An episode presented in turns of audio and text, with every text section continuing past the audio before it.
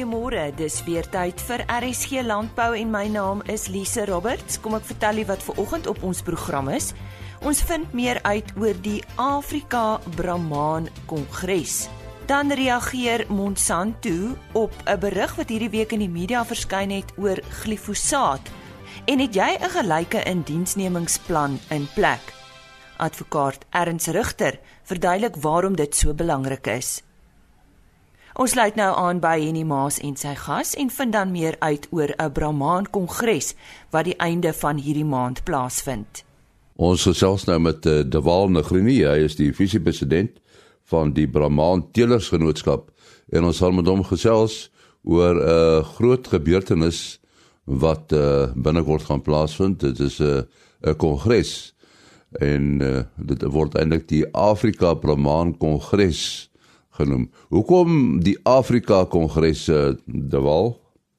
Môre in die môre luister. Die Afrika Kongres is beplan juis omdat die Brahman 'n aangepaste dier is vir Afrika se toestande. Ons het onlangs 'n um, slogan ontwikkel na aanleiding van die feit dat die Brahman oor al die eienskappe beskik wat dit waarskynlik die mees geskikte ras maak vir Afrika se toestande en die slogan is the complete breed. So ons het ongetwyfeld 'n mark in Afrika vir Brahman. Brahman se kruisras vermoë bosluisbestandheid, hitte bestandheid en siektebestandheid onder andere sodat sy loopvermoë maak die Brahman ras uiters geskik vir Afrika se toestande. Jy weet hier nie daarson ken nie meer 'n dier en daar's 'n baie hoë persentasie beeste in Afrika en Suid-Afrika wat Brahman doet in 'n wet en die kalwes en kruisteling weeg net meer en natuurlik as jy die Brahman suiwer hou en jy fokus op die regte eienskappe sal alles reg wees as jy met 'n Brahman boer. En nou die kongres, uh, wat behels die kongresprogram?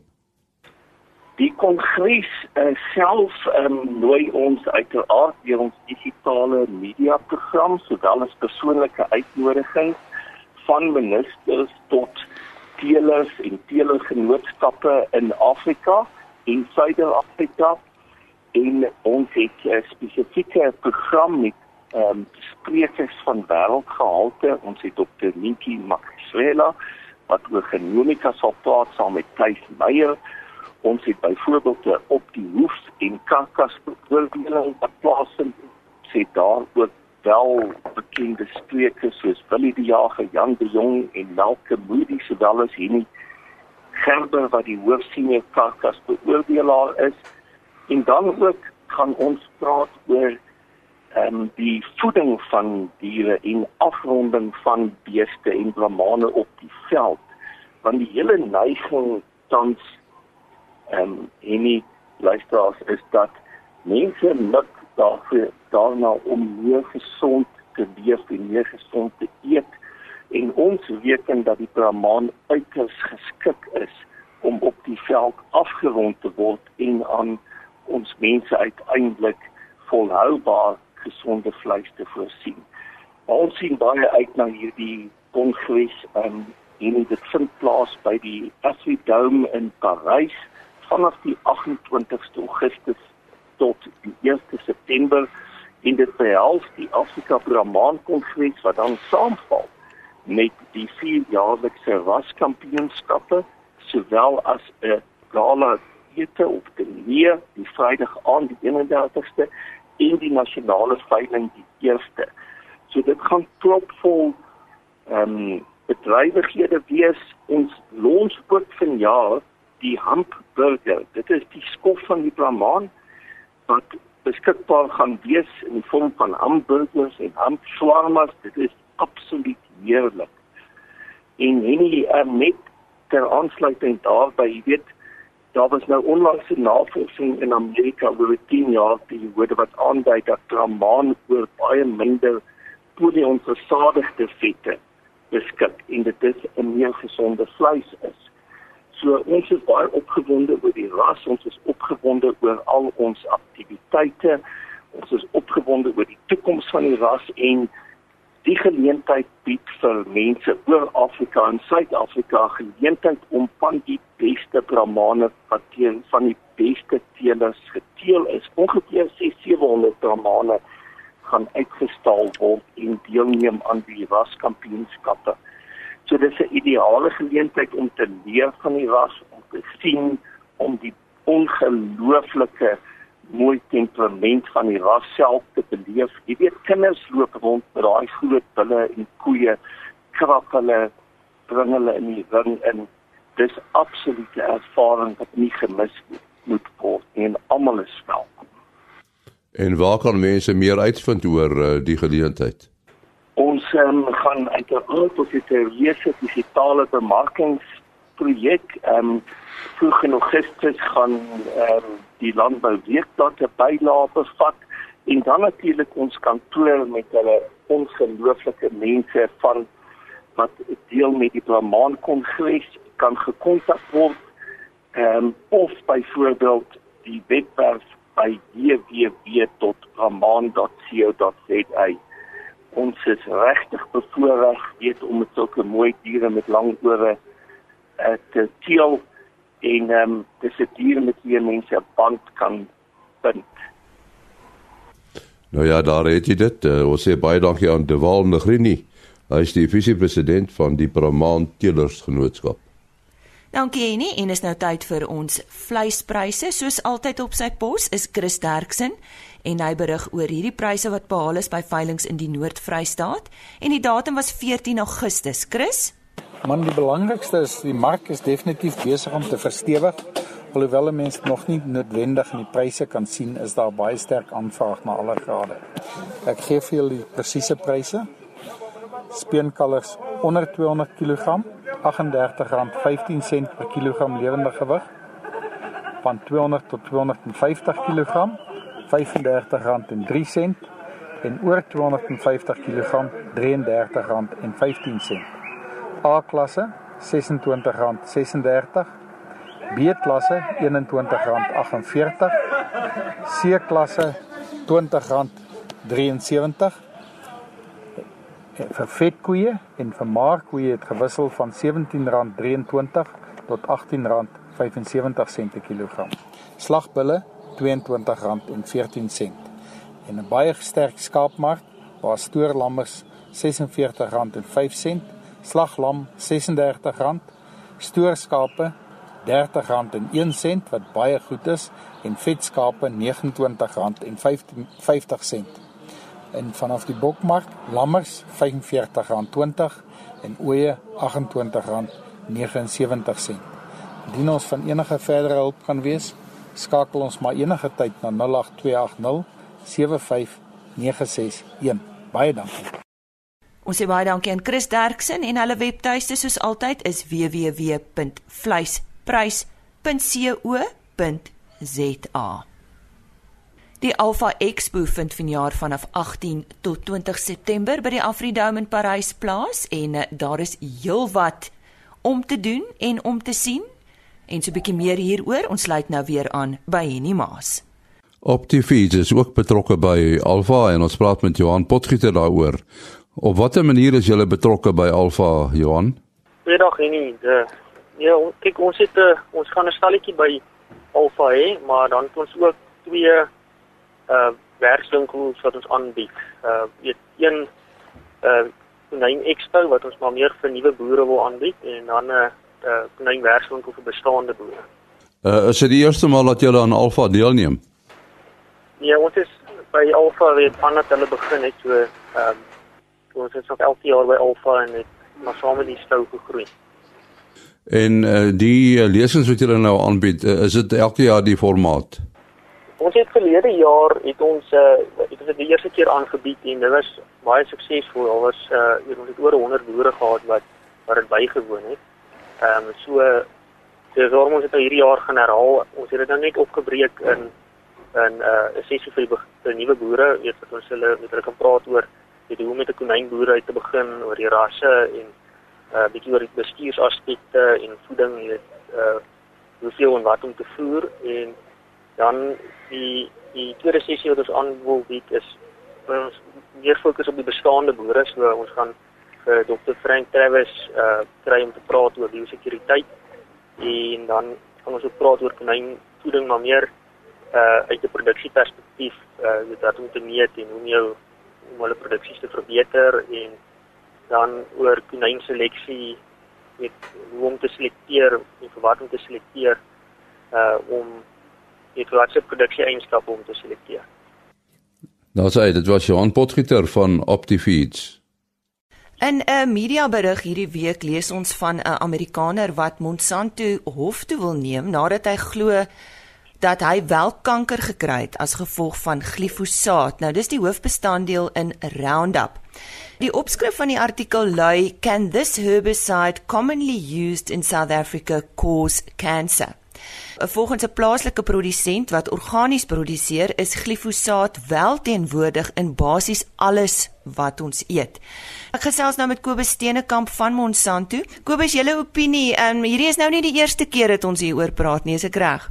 Ja, nee, inderdaad, Lisa, dit is ehm um, gerugte of gebeure wat voortdurend maar na na vore kom. Um, ek dink ek moet dalk begin deur te sê dat ons uh, simpatiek staan teenoor meneer uh, Dwayne Johnson en dan ook sy familie. En dan van ons anders kant af verstaan ons dat hy natuurlik antwoorde soek om te weet wat dit hierdie hierdie veroorsaak. Nou ek dink dit is baie duidelik vir ons uh, wat weet ons werk met 'n veilige produk dat glifosaat nie antwoord is in hierdie geval nie uh en gaan ons dan ook natuurlik al hierdie hierdie uitsprake wat die wat die jury en dan die regter gemaak het van ons dan um, teenstaan um, sodat ons kan voortgaan dat die Suid-Afrikaanse en ook die wêreldwye produsente en ander gebruikers dan ook nog toegang kan hê tot hierdie hierdie uitstekende produk. Kobus se uh, navorsing is natuurlik baie belangrik hierso om julle antwoord en julle reaksie te staaf en daar is genoeg bewyse, né? Ja, kyk dan ek dink oor die laaste 4 dekades, so 40 jaar uh wat glifosaat ehm um, beskikbaar is in die, in die wêreld, was daar al meer as 800 wetenskaplike studies en verslae gedoen wat keer op keer bewys dat glifosaat nie kanker veroorsaak nie. Nou natuurlik as ek nou vir gesê dit is net Suid-Afrikaanse organisasie, dan uh dan sê ek sê maar dit is baie beperk. Maar hierdie sluit verskeie gesieninstituie in wêreldwyd, soos die Nasionale Gesondheidsinstituut in die VSA uh die FAO en die WHO se gesamentlike vergadering oor plaagdode RCD, ehm um, die EPA in in Amerika, natuurlik verskeie ander regulatoriese owerhede in Europa, Kanada, Japan, Australië, Korea en verskeie ander. So dit dit gee ons daai gemoedsrus om te sê dat ons werk met 'n baie goeie produk wat intern getoets is en dan ook herbevestig is wat betref veiligheid uh deur verskeie eksterne instituie of organisasies. Maar Kobus, waaroor gaan dit hierso? Want dit kom heeltyd terug hierdie storie van mense wat voel dat dit nie gesond is nie. Gaan dit maar oor dit uh, dit nie natuurlik is nie. Wat, wat is die agtergrond? Ja, ek dink baie van die die sake word op emosie gebou uh, en dan natuurlik ook waninligting. Ek dink uh, van ons kant af uh, van Monsanto se kant af respekteer ons verskeie uh, verbouingspraktyke uh, met ander ons sal uh, erkenning gee aan organiese verbouing ons gee erkenning aan konvensionele grondverbouing of gewasverbouing en dan natuurlik is daar 'n plek vir gewasverbouing met uh, plaagbeheermiddels en dan ook dan natuurlik nuwe tegnologieë. So ek dink dat ehm um, in baie gevalle gaan dit oor die beskerming van eie eie markte soos die organiese mark of ander markte. Maar ek dink ons standpunt is daar is ehm um, in Engels is daar baie goeie woord wat sê coexistence met al met ander woorde al hierdie uh verskeie beginsels kan saam bestaan. Nou as jy vat byvoorbeeld glifosaat en ons was ook onlangs betrokke by hierdie herlewingslandbou kongres in in Ryds in in die Oos-Vrystaat waar dit juist gaan net oor hoe om jou grond te beskerm om seker te maak dat ons volhoubaar kan produseer en en glifosaat spesifiek in Monsanto se geval dan is dan een van hierdie produkte wat gaan help om hierdie ideologie te kan te kan nakom met ander woorde vosbewaring grondbewaring uh, en so voort. Nou ek dink die, die groot issue is natuurlik waar jy dit net met emosies is dat die waninligting uh begin beskikbaar stel. So ek dink die artikel wat in inleiding gebruik het verwys byvoorbeeld dat alle alle voedsel in Suid-Afrika bevat glifosaat. Alle gewasse word met glifosaat bespuit. En ek dink dit is baie belangrik om daar te let dat dat ons slegs 3 rande per die gewasse in Suid-Afrika het, naamlik katoen, soja en mielies. Maar dat glifosaat word wel in voortplantsituasies gebruik Uh, dit word in sitrus en wingerde gebruik in sekere groeistadiums om om onkruide te beheer. En dit is natuurlik belangrik om te let dat die teiken is natuurlik die die onkruid. En daarmee saam moet ons altyd sê dit is baie belangrik om by die etiket te hou oor die regte dosisse mag seker ehm um, jy wen die produk veilig aan en dit geld vir enige plaagbeheermiddel uh, gaan oor veilige gebruik. So ek dink ons het hier baie te doen met ehm um, verskillende opinies en dan 'n sekere groep se opinie wat baie meer emosioneel gerig is en nie wetenskaplik gebaseer is nie. Ja, sê daarmee baie dankie aan Kobus Steenekamp van uh, Monsanto en uh, ja, ons vertrou dat uh, ons almal nou so 'n bietjie rustiger kan raak oor glifosaat wat in Roundup voorkom en natuurlik is dit belangrik om ook ons boere te beskerm. En nou gesels ons met Philip Lee van Hinterland wat ook betrokke is by Alpha. Philip, en hoe mate is uh, Hinterland betrokke by Alpha? Ja, goeiemôre Henny en die luisteraars. Ja, dis uh, my lekker om te sê is 'n voorreg Uh, ons is vanjaar weer die hoofborg by Alfa waar Hinterland dan die nasionale interras kampioenskappe vir die vleisbeeste van die jaar borg. Uh soos in die geval van verlede jaar, natuurlik net groter en beter hierdie jaar. Hoe voel julle oor die byeenkoms oor Alfa self? Ons is geweldig positief as mense maar jaar op jaar sien die groei ehm um, wat Alfa toon. Um, is ons van meer dat dit, seker van die grootste uh, gebeurtenisse op die landboukalender gaan word uh, in die nabye toekoms. Um, nee, ek gaan net van krag tot krag en ons is baie bevoorreg om op 'n hoë vlak betrokke te wees by Alfa. Ja, julle gebruik natuurlik so by einkoms vir 'n uh, netwerk uh, sessies, né? Nee? Daar's 'n paar ehm um, werksessies wat uitbrei om jou woord te gebruik, netwerk sessies wat ons gebruik, soos gebruik maar die Alfa week as 'n platform om 'n klomp ander werkswinkels en skakelaksies te loods. Yes. Daar's hy Philip Lee van Hinterland. Die wet op billike indiensneming is gewortel in die grondwet van Suid-Afrika wat bepaal dat geen persoon mag diskrimineer teen enige persoon op grond van onder andere ras, geslag of geloof nie. Advokaat Erns Rigter verteenwoordig die LWO of die werkersorganisasie wetgewing en hy gesels nou oor hierdie wet veral met betrekking tot die melkbedryf. Nou Erns, wat het gelei tot die promulgering van die wet op billike indiensneming? Goeiemôre Lise en goeiemôre ook aan al die luisteraars. Ehm um, Lise, die wet is gepromulgeer om eerstens uitvoering te gee aan die reg op gelykheid wat verskans is in die grondwet en dan diskriminasie in die werksplek te verhoed. Tweedens uh, om die ongelykheid wat in die werksplek heers, weens die apartheidswetgewing om dit te herstel. Op wie is hierdie wet van toepassing? Die wet bestaan uit twee bene. Die eerste been van die wetgewing reguleer die verbod op ongeregverdigde diskriminasie. Nou die deel van die wet is van toepassing op alle werkgewers en dan ook op alle werknemers. Die tweede been van die wetgewing reguleer ehm um, regstellende aksie en billike indiensnemingsmaatreëls. Nou die deel van die wet is slegs van toepassing op aangewese werkgewers en aangewese werknemers. 'n Aangewese werkgewer is 'n werkgewer wat meer as 50 werknemers in diens het of 'n omset toon van meer as die perk wat gestel is vir die spesifieke industrie. Nou in die landbousektor is die perk gestel op 6 miljoen. 'n uh, aangewese werknemer word dan gedefinieer as swart werknemers, vroue en werknemers met gestremdhede. 'n Swart werknemer sluit dan in swart werknemers, indiër werknemers en kleerlingwerknemers volgens die wet en dan is dit ook uitgebrei in die onlangse hofbeslissings na Chinese werknemers. Watter verpligtinge rus op aangewese werkgewers? Aangewese werkgewers moet eerstens 'n gelyke instemming bestuurder aanstel wat die proses sal hanteer. Die bestuurder moet aan sekere wetlike vereistes voldoen. Dan moet 'n audit gedoen word van al die werknemers om te bepaal wat die verteenwoordiging is van die werknemers in die onderskeie beroepskategorieë. Daarna moet die werkgewer 'n komitee tot stand bring waarmee die werkgewer moet konsulteer. Die komitee moet verteenwoordig word deur unieverteenwoordigers as daar 'n unie in die werksplek is, sowel as werknemers uit die onderskeie beroepskategorieë en verteenwoordigers van die groepe aangewese werknemers uh, wat ek pas na verwys het. Tydens die konsultasies moet die komitee dan eers 'n analise doen van al die beleide, die werkspraktyke en die prosesse van die werkgewer met die doel om enige struikelblokke wat aangewese werknemers mag ervaar vir indiensneming asook bevordering binne die werksplek en om dit uit die weg te ruim. Dan moet verdere analise gedoen word van die werknemers in die verskillende beroepsvlakke om te bepaal of die samestelling van die werknemers voldoen aan die demografiese profiel van ekonomies aktiewe ehm um, mense in die demografiese gebied. Nou die, die statistieke word jaarliks deur die statistieke diens uitgegee. Die inligting wat versamel word gedurende die analises moet dan gebruik word om 'n gelyke en diensnemingplan op te stel waar die aksies wat geneem moet word om dan eerstens die diskriminerende bepalinge of struikelblokke uit die weg te ruim en dan tweedens moet hulle bepaal watter regstellende aksie maatreëls geneem gaan word om voldoende verteenwoordiging in die werksplek op alle vlakke te verseker. Die aksies moet dan gekoppel word aan jaarlikse en einddoelwitte um, om billike en diensneming te bevorder. Dan die laaste verpligting van aangewese werkgewer is om jaarliks in die departement uh, van arbeid te rapporteer waar die vordering gemaak is uh, in die werksplek ten opsigte van die uh, gelyke en diensnemingsplan. Ja, kom ons gesels bietjie oor daai plan. Wat is die doel van 'n diensgelykheidsplan vir aangewese boere en en waarom dink jy is dit nodig om so 'n plan in plek te hê?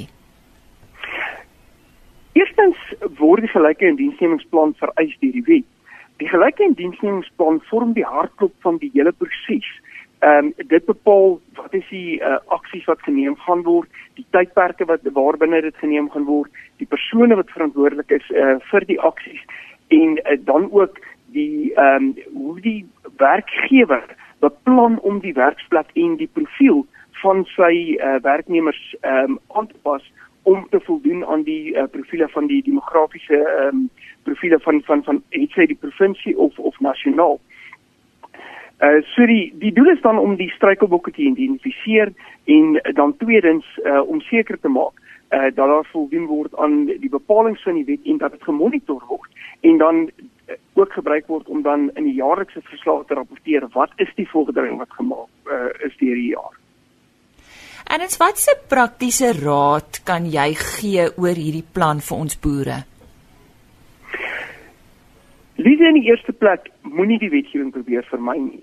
Ehm um, dit is wetgewing wat van toepassing is. Dit is 'n lang dit is 'n langtermynverpligting wat op die werkgewer is en jy kan dit nie ontduik nie. Tweedens kry professionele hulp. Die wetgewing is baie tegnies van aard. Daar is baie uh, slaggate waaraan mense kan trap. Daar is verskeie wetgewing wat van toepassing is, asook dan verskeie praktykskodes waaraan gehoor moet gegee word. Die derdens is dit vir my baie belangrik dat die proses 100% korrek gevolg moet word. Soos ek reeds verduidelik het, word 'n analise gedoen in die werksplek. Op grond van die analise word daar gekonsulteer met die werknemers en dan word 'n diensnemingsplan opgestel. Die plan ehm um, vorm dan die basis van die verslag wat aan die einde van die jaar ingedien word uh, by die departement. Nou as jou analise van die werksplek verkeerd gedoen word, is dit nodig om te sê dat al die stappe wat daarop volg nutteloos is jou plan waarop jy dan op die einde van die dag gaan rapporteer, gaan 'n rapport wees op inligting wat foutief is en konsultasies wat foutiewelik ehm um, hanteer was. So dit is geweldig belangrik dat al die stappe 100% korrek gevolg moet word. Daar's baie werkgewers wat onder die indruk is dat solank jy nie die verslag aan die einde van die jaar indien, is voldoen aan die wet, wat glad nie die geval is nie. Daar is verskeie vereistes waaraan voldoen moet word voordat jy die verslag kan indien. Ehm um, en dan ook baie belangrik, gelyke indiensneming het 'n impak op elke aspek van jou besigheid.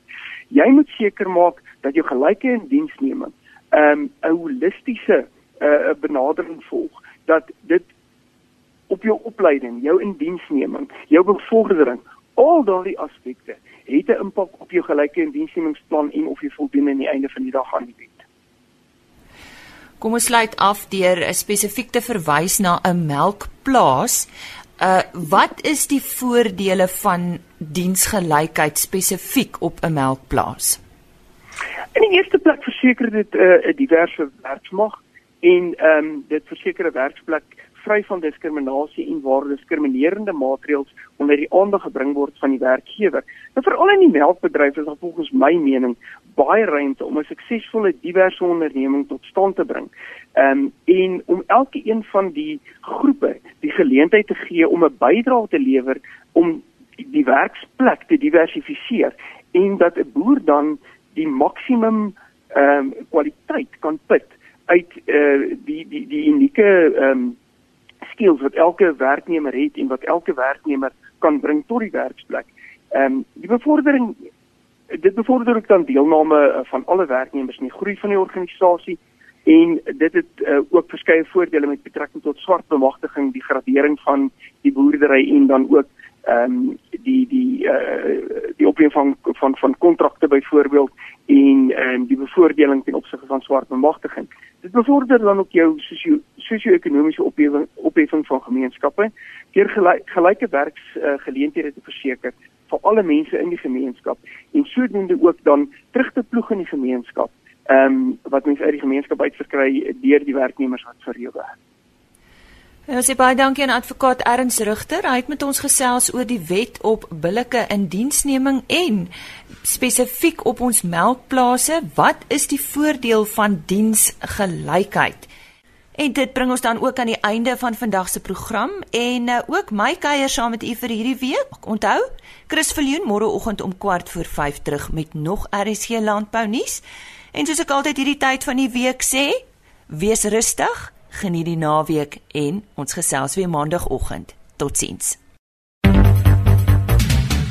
RSG Landbou is 'n produksie van Plaas Media. Produksieregisseur Henny Maas. Aanbieding Lisa Roberts. En inhoudskoördineerder Jolandi Root.